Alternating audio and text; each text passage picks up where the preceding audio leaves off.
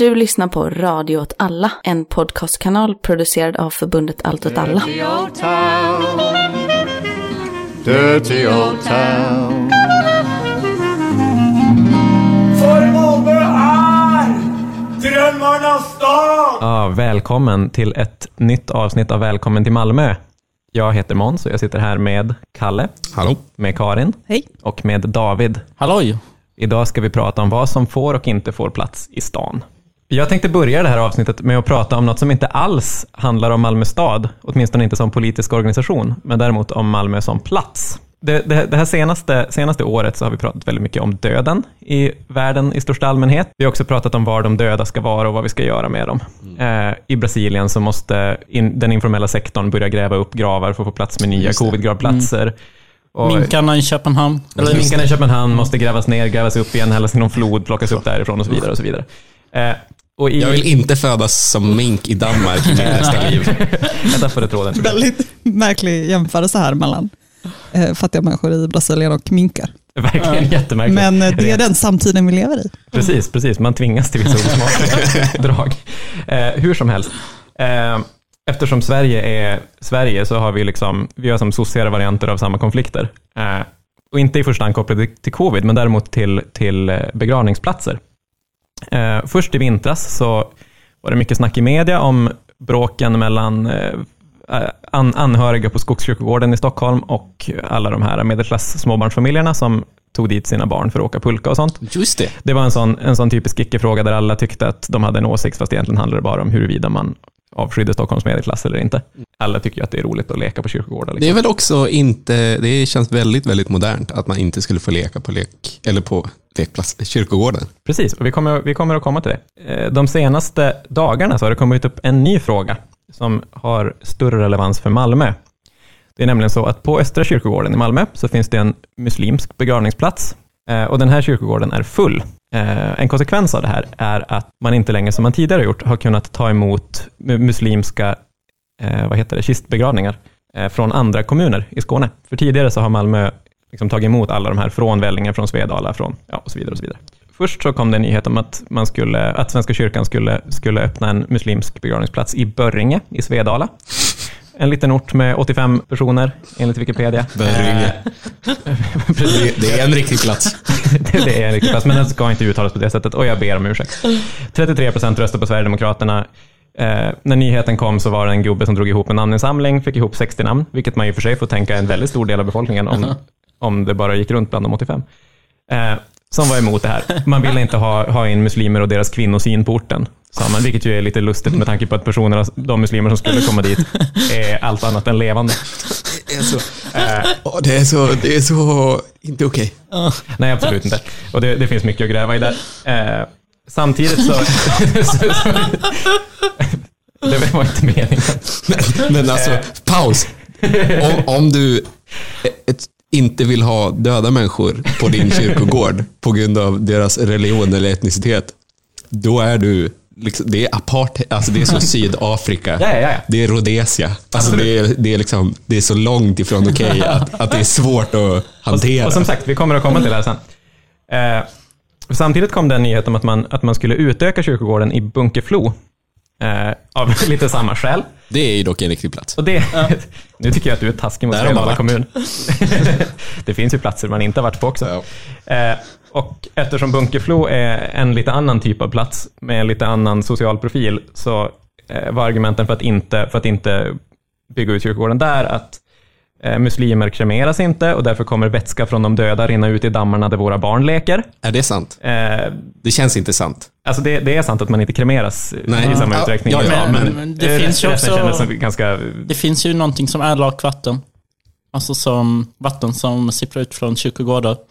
Men eh, jag menar huruvida det rinner i dammarna, det tror jag ju inte. Nej, jag tänker att man någon kan planera. väl, någon tänker ha tänkt på det och sen så, det, det sker ju på alla kyrkogårdar. Så jag menar, det är ju liksom... Nej, nej, nej, precis, precis. Det är väl också det som är grejen med kyrkogårdar, är att det är ju äckligt. Ja, ja, det absolut. alltså, Nu, nu, kommer jag, nu kommer jag att gå in på ett stickspår här, men en gång när jag var liten så eh, eh, tog min mamma mig och min lillebror åt sidan och sa, om ni är ute en varm dag och behöver vatten, drick inte kyrkogårdsvatten. sa hon med allvarlig min. Och det skäms som fortfarande för att det är så pinsamt och konstigt. Vadå, alltså det här vattnet som man har i, kra, i kramarna, Ja, typ, precis, som man tar men- för att vattna blommor och så? ja, precis, men det har ju, då har ju rören liksom gått bland de döda och det var lite otäckt tyckte hon. Nej, Jaha. Det var väl roligt. Det är väl mest bara att det rör sig bad mojo på kyrkogårdar. Och det vill man inte få i sig. Alltså andlig mojo. ja, kanske. Ja, men hur som helst. De, I i Bunkeflo så vill de inte ha vätska från de döda som de ska bada i. De menar också att det oklimatsmart att ha eh, begravningar så långt ifrån, eller att, att ha gravplatsen så långt ifrån moskén där begravningen sker. Och att de vill fortsätta ha plats för sina hästhagar. Och Det- att kyrkogårdar eh, skapar droghandel och prostitution. Det känns som svepskäl. Ja, tveklöst, tveklöst. Men jag, jag, jag tänker också att skillnaderna mellan, i argument mellan Ja. Böringe och Bunkeflo säger någonting om de här två platsernas profiler och hur, hur en moderat argumenterar och en, En moderat i Bunkeflo är väldigt mån om att lik ska vara närproducerade. ja, ja, exakt. Och att de ska förpackas i vakuum. I alla fall, båda, de här två debatterna, de, de har ju liksom... Dels har, har de ju det gemensamt att de är stormar i vattenglas, som i ganska stor utsträckning har konstruerats av medierapportering runt om. Eh, men det finns ändå någonting där. Eh, men de är inte heller nya. För att kyrkogårdar generellt är ju ett problem för städer. Eh, alltså kapitalismen är jättebra på att inte behandla människor som människor och flytta runt dem bäst, bäst de vill. Men när människan dör och måste ha någonstans att vara, liksom, så är den desto svårare att flytta på. Liksom i, i, i, takt, I takt med de olika, olika urbaniseringsrundorna som vi har sett de senaste seklerna så har det också uppstått problem med kyrkogårdar. Att man, apropå det här med vattnet, så redan på 1700-talet så började man lagstifta bort i jättemånga europeiska länder att, att eh, begrava människor inne i städerna på grund av att det var en hygienisk risk. Eh, sen på 1800-talet så började man, började man bygga sina kyrkogårdar långt utanför städerna. Städerna var ju fortfarande ganska små, så att städerna hann ju ikapp. Eh, slutet på 1800-talet i Sverige så bildades kremations, eh, eller kremeringsförbundet som, var, som lobbade för att man skulle kremera mer folk för att det var ett sånt jävla besvär att hålla på och ha dem nergrävda i marken. Kort därefter så bygger man också de här jättestora kyrkogårdarna, till exempel Östra kyrkogården i Malmö och Skogskyrkogården i Stockholm, och så där, som är väldigt liksom, enormt stora, rationaliserade Jo, jo, men, men eh, nu killgissar jag lite. Men så när man går in, runt på de kyrkogårdarna i, Malmö så är det ju ett rutnät också. Alltså det är ju planerat väldigt. Ja, ja, alltså alla fick sin, får sin lilla kvadratmetersamling. Liksom. Det känns som att gamla kyrkogårdar, alltså innan moderniteten, Mm. att det var mycket mer bara slumpmässigt.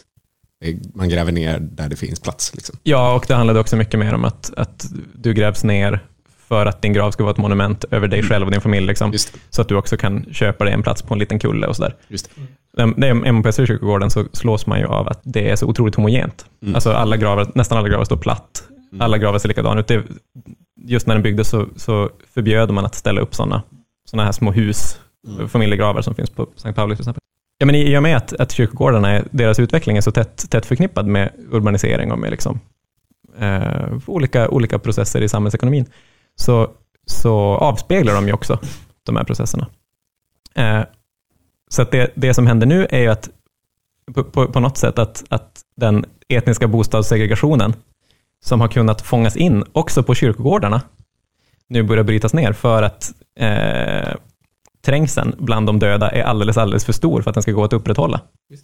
Så att precis de här diskurserna om att plötsligt få eh, ett, ett hus med invandrare i sin by eller i sin stadsdel, det börjar nu också gå in i hur man pratar om vart ens döda ligger. Och det, det är liksom intressant på något sätt, för att det, det visar på det, både den här liksom, psy, cykelheten, men också, också det som är så nytt här, att den, de här konflikterna, som jag tänker kommer att komma upp ett tag till, liksom, tills det här problemet har lösts för det här varvet, liksom, att, att de kombinerar de nya, de nya islamofobiska trenderna med de eviga problemen som skapas av att man stoppar jättemånga människor på en och samma plats i tron om att de ska kunna flyttas flexibelt.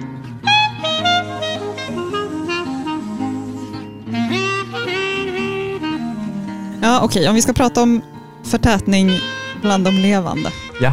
istället. Ehm, det håller ju på att hända mycket grejer i den här stan. Eh, men, men det som ligger i, i pipen nu eh, i liksom stadsplaneringsmässigt är ju att man har ganska liksom, eh, omfattande eh, projekt eller planer för att förtäta i de här storskaliga miljonprogramsområdena. Eh, så, och jag tänker att vi måste ta ett litet grepp om det. Mm. För att någonstans så tänker jag att det är intressant. Ja, det är, Det är säkert intressant av massa olika anledningar. Och det skulle också kunna vara så att jag i mitt huvud drar liksom växlar på det här som kanske egentligen inte är särskilt värdefulla. Eller. Ja, men det är ju det vi här. Men jag skulle vilja inleda med att eh, eh, minnas tillbaka till tidigare i veckan. Jag, jag hade gärna velat se i så lyssnarstatistiken eh, hur många som stänger av exakt varje gång någon säger så måste vi blicka tillbaka. Fan. Vi ska inte blicka tillbaka så långt. Det var alltså att jag tidigare i veckan läste tidningen eh, eh, som kom ut i höstas. Ja, du har kommit långt ner i din hårdrock-hög. Där längst in i brevlådan som Karin inte hade tömt. Fy fan vilken ångest, jag är jättedålig på att kolla min brevlåda. Alltså konstigt mycket inkassokrav och sånt. Officiellt sant.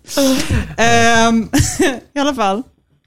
En grej som hände i höstas var att eh, MKB, Malmös kommunala bostadsbolag, ville bygga bostäder i ett område som heter Gröndal.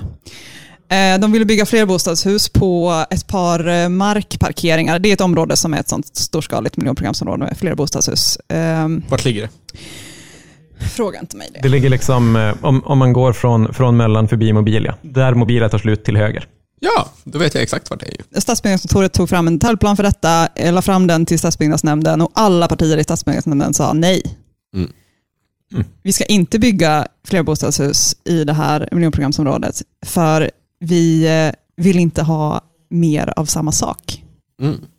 Och det, ja, jag blev ändå lite förvånad. Mm.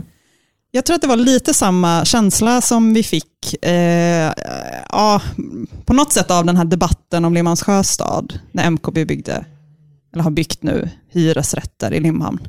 Mm. Och det blev en stor debatt. Eh, ska alla verkligen få bo i Limhamn? Eh, eller, mm, precis. Det är, ja, jag kan inte släppa hur dumt det är. Ja, I know. Vi har pratat om det tidigare, vi behöver inte gå in på det. Men, men det är lite... man blir, det är som att eh, sossarna faktiskt menar allvar med att det här med den blandade staden. Mm. För, för deras case var alltså att det just var att bebyggelsen som skulle byggas, att den var för lik den som redan var där. Var det det som var? Ja, Det var vi vill inte ha fler åtta vånings hyreshus. Här i det här området. För det är precis det som redan finns. Jaha. Mm. Eh, blandad stad-idealet eh, har ju varit det förhärskande länge. Liksom. Ehm, åtminstone inom, i Malmö stads styre. Så. Ehm, och det, eh, för att återgå då till de här förtätningsprojekten så har vi ju där, vi har ehm, eh, planprogrammet för Amiralsgatan som kom förra året där man ska förtäta då, ja, men från typ Norra Gränges ner till eh, Rosengård centrum och vi har eh, eh, Törnrosen och Örtagården i Rosengård också finns planer där på förtätning och Bellevuegården, Lorensborg håller man på med, Holma Kroksbäck, Holma stan, Mm. eh, alla de här områdena. det uppstudsiga området. Exakt. Och där, det centrala argumentet i alla de här förtätningsprojekten är ju att eh, strategin, Malmös stadsbyggnadsstrategi är att man vill bryta mentala och fysiska barriärer. Skapa sociala kopplingar mellan områden. Så det som är gemensamt mellan alla de här planerna är att man ska förtäta med eh, liksom blandad stadsbebyggelse, framförallt bostäder, med att man också är så här, ah, det ska vara verksamheter i bottenplan. Men man ska också se till att göra det på ett sätt så att alla bostadsområden som nu är på något sätt så här avskärmade, liksom, eller typ inåtvända, Mm. kanske typ att det går så här bilvägar runt och så har man liksom entréerna till husen är liksom inne mot en gård. Så ska man liksom bygga till där och vända på husen så att de liksom blickar ut mot gatan och så ska man kanske göra om gatan lite och så ska man liksom, ja, Ja, och i alltså planprogrammet för Amiralstaden så handlar det ju väldigt mycket om att man ska bygga in biltrafik i Rosengård. Som idag inte finns för att man planerade ju just för att man inte skulle ha biltrafik. Ja. Så att barn och andra kunde bara springa runt. Ja, ja precis. De här bostadsområdena är ju på något sätt eh, väldigt, plan- väldigt mycket planerade för de som bor där. Mm. Mm. Eh, det finns liksom ingen... Alltså poängen är att det ska vara liksom ett sammanhållet, eller avskärmat då, om man nu Mm. vill uttrycka det på ett sätt, ett bostadsområde. För att ja, det är så man, så man lever i stan. Typ. Ja, Man kan säkert prata jättemycket om, eh, om just den grejen. Typ. Alltså jag tycker att den är lite lite svår att förstå. Men, men, men någonstans så finns det ändå stora delar av de här planerna som framstår för många som ändå ganska funktionella. Liksom. Typ, det ska gå att eh, korsa Amiralsgatan på fler ställen. Eh, vi kanske inte ska ha jättemycket markparkeringar i bostadsområdena. Funktionellt, rimligt. Men den här argumentationen leder ju också till saker som för många framstår som inte lika funktionellt och ganska orimligt. Till exempel, vi måste bygga radhus i miljonprogramsområdena. Vilket man nu ska göra. Man ska bygga eh, radhus i eh, Rosengård och eh, som den här eh, planen då i Gröndal där man bara eh, Nej, inga fler, fler bostadshus. Och då tänker man ju sig, vad är alternativet då? Ska de bygga då? Alltså, ja, mm, Ja. Är det ett effektivt För, men, men det är ju... sätt att använda ytan om man nu ändå ska förtäta? Liksom. Men Ja. om jag är eh, snabb eh, kommunpolitisk spaning. Det, det tror jag är att det är samstyre mellan sossarna och liberalerna. För liberalerna älskar radhus. Gör de? Ja, Simon Krisander har ju liksom uttryckligen skrivit. Bor han i ett radhus? Det gör han säkert. Jag tror jag googlade på det någon gång. Men det ska vi inte gå in på för det är lite obehagligt. Men, men för Simon Krisander har ju skrivit så att vi bygger bort eh, bostadsbristen med radhus och att han, han eh, brinner för det. Och det är han som är deras liksom, ansvariga i de här Jävlar frågorna. vad mycket radhus man skulle behöva bygga. Ja, bygga alltså det är, ju, det är ju inte sant. För jag tänkte faktiskt på att just radhus, alltså, eh, i, radhus i sig är ju lite intressant. För det känns inte som att det finns i Malmö. Ja, men man håller på uppe i norra Sorgenfri. Eh, Det kanske visst finns, på att jag inte har varit i Eh, de så håller man på att bygga radhus i trä. Mm. Just det här som går på typ fem mille styck. Anywho, det framstår som lite märkligt när man tittar på de här planerna och det är så här, ja Rosengård, eh, eh, ett av Malmös mest tättbefolkade områden. Vi bygger radhus här, vi klämmer in lite radhus här, Mm. lite här och var. Det är så här fem radhus längor, eller liksom i rad typ, och sen några där och några där. Ser jättekonstigt ut. Ja, det, det extra konstiga blir ju att de här radhusen, som kommer säkert få en liten privat trädgård, kommer ju gränsa mot en gigantisk allmän så här gårdsyta. Ja, jag vet inte, det bara kommer nog se lite märkligt ut.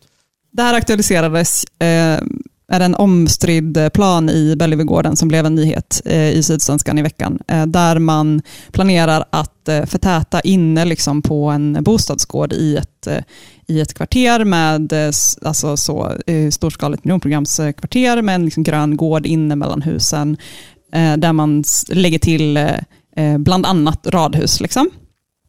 Och de boende har protesterat högljutt mot detta såklart för att man förlorar en del av sin bostadsgård. Och eh, en bostadsgård som dessutom, ja men så här, det finns ju massa funktionalitet i de här områdena, de var kanske inte så här det kanske inte blev asbra, men det fanns ändå någon slags tanke om rymd och ljus och typ siktlinjer och sånt som är så, jag kan stå i min lägenhet och se mina barn på gården och hålla lite uppsikt och sådär. Eh, det går ju förlorat liksom när man börjar bryta upp de här gårdarna och, och förtäta. Men om vi ska prata lite mer generellt om eh, de här planerna som, jag vet inte, för mig framstår som ganska så, um, mm, ja, men som att det är någonting nytt som händer typ. Då kan man ju dels konstatera att det är ju lite såklart alltid att så här, stjärnorna står rätt, typ. Alltså eh, rentgapet ska stängas och eh, kapitalet realiseras och eh, de här, alla de här materiella förutsättningarna med så här ägoförhållande kring mark och liksom, eh, bostadsbristen som råder och, och sådana saker. Eh, det går att liksom rationalisera även de här förtätningsprojekten på massa sätt. Eh, det är lite kanske materiellt determinerat på något sätt. så. Men jag tänker att det också, eh, man kanske måste också tänka kring det, ja, men ändå i förhållande till den ganska, så här, den, den ganska medvetna retoriken som man har kring just det här med brytandet av barriärer. Alltså det är ju någonting som sossarna så hamrar in. Och lite intressant, jag tror inte att i översiktsplanen för Malmö stad, som nu har några år på nacken, den kom 2014 kanske, eller något, Ja, och så något nu håller man på att göra en, eh, vad heter det, man typ uppdaterar den med en och mellan, så man håller på Ja. med det nu. En aktualiseringsprövning som det Ja, heter. exakt i den, där så pratar man liksom, där så finns det så här, eh, typ den eh, strategiska målet eller liksom, riktlinjen för strategin är att vi ska ha en funktionsblandad stad och då pratar man specifikt om funktionsblandning. Men man pratar typ ingenting om liksom, social blandning eller så här, blandning av typ boende Former. typer och former och upplåtelser. Alltså så. Eh, det är inte en blandning av liksom befolkningen i första hand. Nej. Nej. Eh, om jag minns rätt så är det liksom inte alls en, en central del av det. Men däremot nu med den, den uppdateringen som man håller på med, där så kommer det här in desto mer. Liksom. Precis som man liksom runt millennieskiftet byggde staden, alltså den fysiska staden, det fysiska rummet för att locka till sig eh, humankapital och en annan typ av befolkning. Ehm, så började man ju liksom hantera det här problemet med de andra i periferin. Liksom. Men att man nu har gått ifrån den typen av insatser till att faktiskt också gå in och intervenera i det fysiska rummet. Att man har den här, det sitter i väggarna. Liksom. Ehm, vi måste bara bygga bort de här områdena. För att så här, ja, det var min poäng. Ja, Det tog bara 45 tycker- minuter att komma. det, det är ju nej men det, det är jätteintressant. Jag, jag tänker också att man ska man, man kan se det där i två större perspektiv. Alltså dels att, att eh, de- den här typen, det, det här skiftet från att, att så att säga ge välfärd till att ge socialt kapital, om man hårdrar det, för det känns som att det är ungefär det som händer. Att, att vi slutar försöka lyfta områdena, istället lyfter vi in rika människor i dem, är tanken. Eh, det är ju det är en övergång som, som jag tänker kommer jättemycket ur en jättebefogad kritik av områdesprogrammen, men som kunde instrumentaliseras något otroligt av de som, av de som står för en mer liksom nyliberal syn på, på samhället och samhällsutvecklingen. Alltså att, att det, det, finns, det, det fanns en god vänsterkritik av områdesprogrammen som var jätteframträdande, typ kring så här 2010 kanske, när, när det, det började ebba ut. Och som, men men istället, istället för att det ledde till att man omvärderade områdesprogrammen och tänkte så här, hur kan vi skala upp det här och göra det på ett sätt som Eh, där, där, syftet med områdes, områdesprogrammen kan göras på ett bättre sätt, där vi kan lära oss av misstagen där, så bara tar man bort dem istället eh, och går över helt och hållet till, till eh, fördelningen av socialt kapital som är liksom kanske nyliberalismens absolut främsta sätt att fördela resurser på. Och som, som har präglat, präglat samhället i väldigt stor utsträckning i, i andra sektorer väldigt, i, i många decennier. Liksom. Att, att man får allting att framstå som, som görbart så länge du får den där lilla kontakten in i nätet. Men att, att vi också ser, vi ser ju också i andra typ, an, på andra politikområden tänker jag, alltså att, att, att det till exempel blir mer och mer omstritt frågan om hur skolvalet ska fungera Just det. i, i Malmö. Det är en debatt som har seglat upp nyligen och den hänger ju jättetätt ihop med det här. Eftersom man till och med, alltså till och med från nyliberalt håll inser att, att bara för att vi stoppar in olika rika familjer i ett och samma område så innebär inte det att de kommer mötas för att familj 1 kommer ju att ställa sig i kö till skola B medan familj 2 kommer att gå på skola A som ligger i området. Liksom. Mm. Men, men det jag undrar, är eran poäng att, man, att vi bör vara emot förtätning eller att vi borde vara för en annan förtätning? Nej, alltså jag, jag tänker att, att det inte finns någon, eh, någon principiell hållning där egentligen. Alltså, det är också ganska rimligt att staden måste förtätas för att ska det bo så mycket folk som det gör i den så måste den ju förtätas på ett eller annat sätt. Och en stad kommer alltid växa. Den Ja. måste växa åt något håll. Antingen inåt eller utåt. Ja, men det är ju det som jag tycker är någonstans är lite intressant. För när man ser sossarna prata om Malmö stads utveckling, eller Malmös utveckling, och alltså befolk ur så här befolkningsutveckling, så kommer vi ju nå 500 000 2050. Och, och då, de menar ju på att ja, men det kommer hända. Liksom det är äggat. Ja, ja Eh, och- absolut. Och då liksom hönan blir ju bara anpassa. Eller tvärtom, jag vet inte. Men, men, men- äh, ja, men jag menar liksom samtidigt är det ju så här, äh, ja men, för det blir ju också så märkligt liksom, ja men hur mycket avkall ska vi göra av det vi tycker är andra dimensioner i sta, staden som vi vill ha? Alltså, för, och då tycker jag ju det, det är ju problematiskt att de enda som på något sätt är kritiska mot förtätning eh, är ju, eller i alla fall högljudda om sin kritik, det är ju Sverigedemokraterna. Men de är ju bara Men det är väl också för att de... och säga fuck you åt alla. Men, men det, de vill väl heller inte vara en halv miljon till 2050. Nej, nej. Det är väl det som är den stora, stora Ja, skillnaden. men jag menar, vad vill vänstern? Ja. Vill vi vara en halv miljon stad? Är Det det, är ändå- ett värde i det? Det är ändå Eller en rimlig... Är det liksom så här, skulle att vi inte var det innebära att det skulle bli ökad befolkning i andra mindre kommuner och då kanske inte heller den här jobbiga problematiken Mm. av stad och land? Nej, men då- det, det är också lite där jag tänker att, det, att det, är svårt, det är svårt att ha en principhållning, alltså att, att man måste förhålla sig lite pragmatiskt till det. Att i, med en ökande befolkning så måste man liksom bygga någonting någonstans. Eh, sen, sen är det en politisk fråga precis var man gör det. Och jag, jag tänker att som i det här fallet, så jag, jag är också väldigt skeptisk till just de här förtätningsidéerna.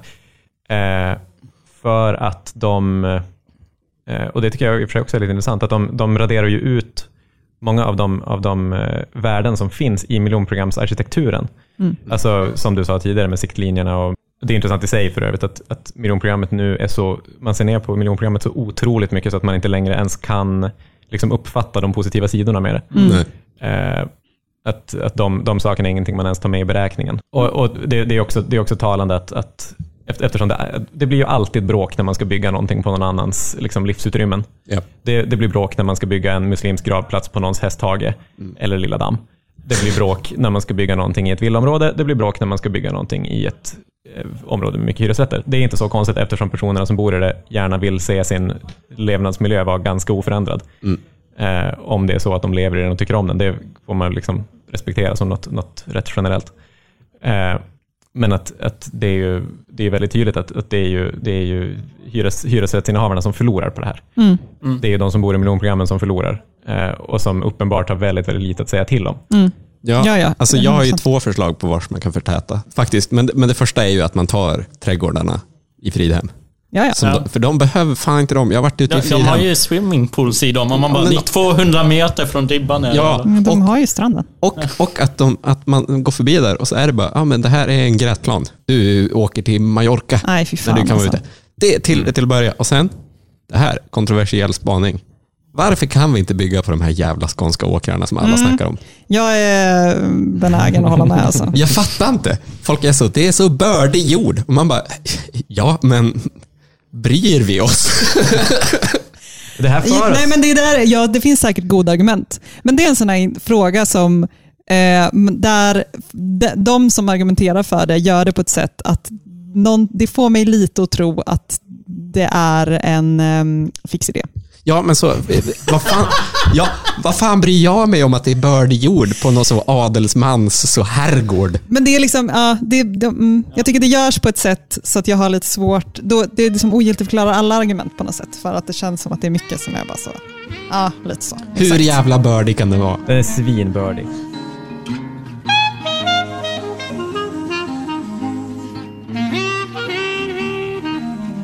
Men eh, Pågens fabrik, som alla som bor i södra innerstan känner till eftersom man känner lukten från de nybakade bröden väldigt väl. Pågens fabrik har ju legat där den ligger nu, ja men sen runt 60-talet. Eh, och det som har hänt, det var att Pågen ville expandera. Alltså först ville de expandera ut på parken som är till, ja jag vet inte vilket värdes... Mot, mot Lönngården. Ja, mot Lönngården. Eh, och sen eh, gav de upp på de idéerna, för du vet, det ser lite dåligt ut när Malmö stad, Parkernas stad, ger bort med park till en privat exploatör. Så då, skulle, då tog de fram ett förslag om att ja, men göra sin utbyggnad inne på sin fastighet. Och, men problemet är att Pågen är ju en väldigt stor industri, alltså en riktig industri. Och då så behöver man he- helt plötsligt väldigt mycket tillstånd. Eh, och de här tillstånden hämtar man hos Länsstyrelsen. Pågen fick ett tillstånd för att eh, öka sitt utsläpp av alltså etanol från typ 200 ton till 450 ton. Det är en ganska kraftig ökning.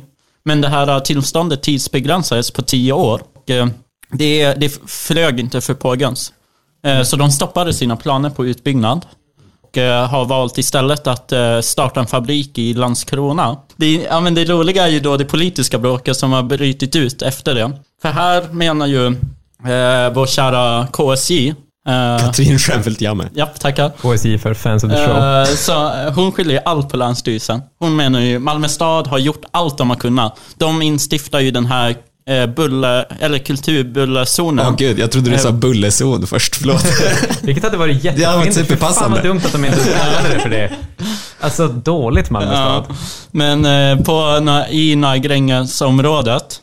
Och sen så stoppade de ju också att MKB fick bygga tusen bostäder längs med Enskifteshagen. Just det. I och med den här bullerzonen. Då har ju Torbjörn Tenghammar, Moderaternas ledare, de menar ju på att KSJ eh, och sossarna, de eh, pajade ju Pågens planer redan tidigare när de tog fram planprogrammet för Amiralstaden. För Pågen har menat att ett av skälen till att de inte vill göra utbyggnaden är på grund av att man vill smalna av eh, Amiralsgatan. Och det skulle innebära väldigt stora problem med transporter för dem. Och här, det är ju här som det roliga kommer. Och det är ju att eh, Torbjörn Tenghammar menar ju på att hade, det, hade vi inte haft KSI som ledare utan Ilmar Reepalu, då hade aldrig det här hänt. För Ilmar Reepalu, han hade tagit ett gött snack med Pågas och sen hade han gått till stadsbyggnadskontoret och sagt vad de skulle göra. Och det är exakt så som han kommer driva kommunen.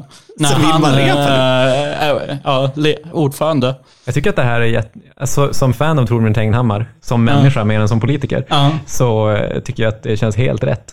Ja, Att han, han har drivit... Först, först så ser han till att alla Malmökrogar får öppet sent. Sen ser han till att driva igenom hemkörning av alkohol Ja. och han är den enda som köper det. ja.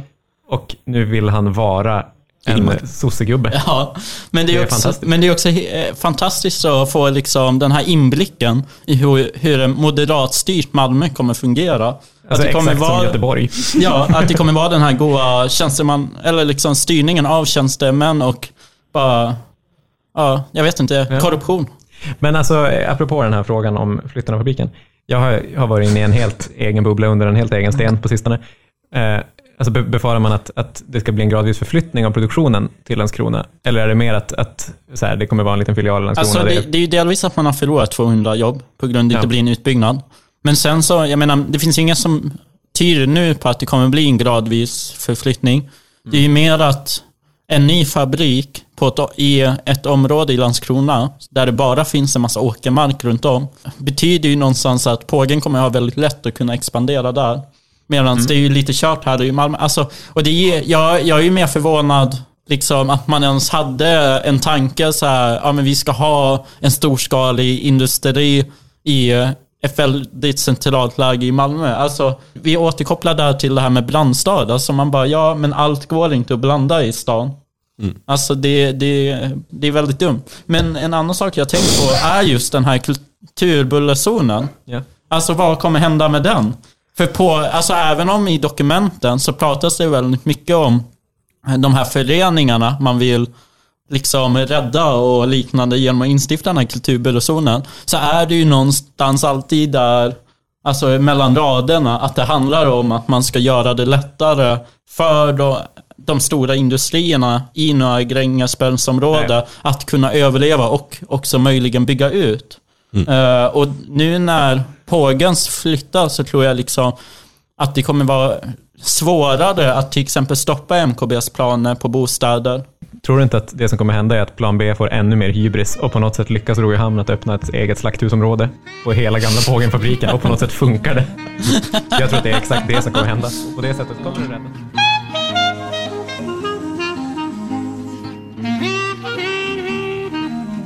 Okej, jag, kan, jag kan försöka verka av alla, alla stickspår. Ja. För att avsluta. Vi, tar, vi samlar alla stickspåren. Jag, jag, jag, Alla stickspår i en hög. I en hög. Och så, Vad re, vad var det? och så redogör vi snabbt för dem. Vad är Okej, det för stickspår?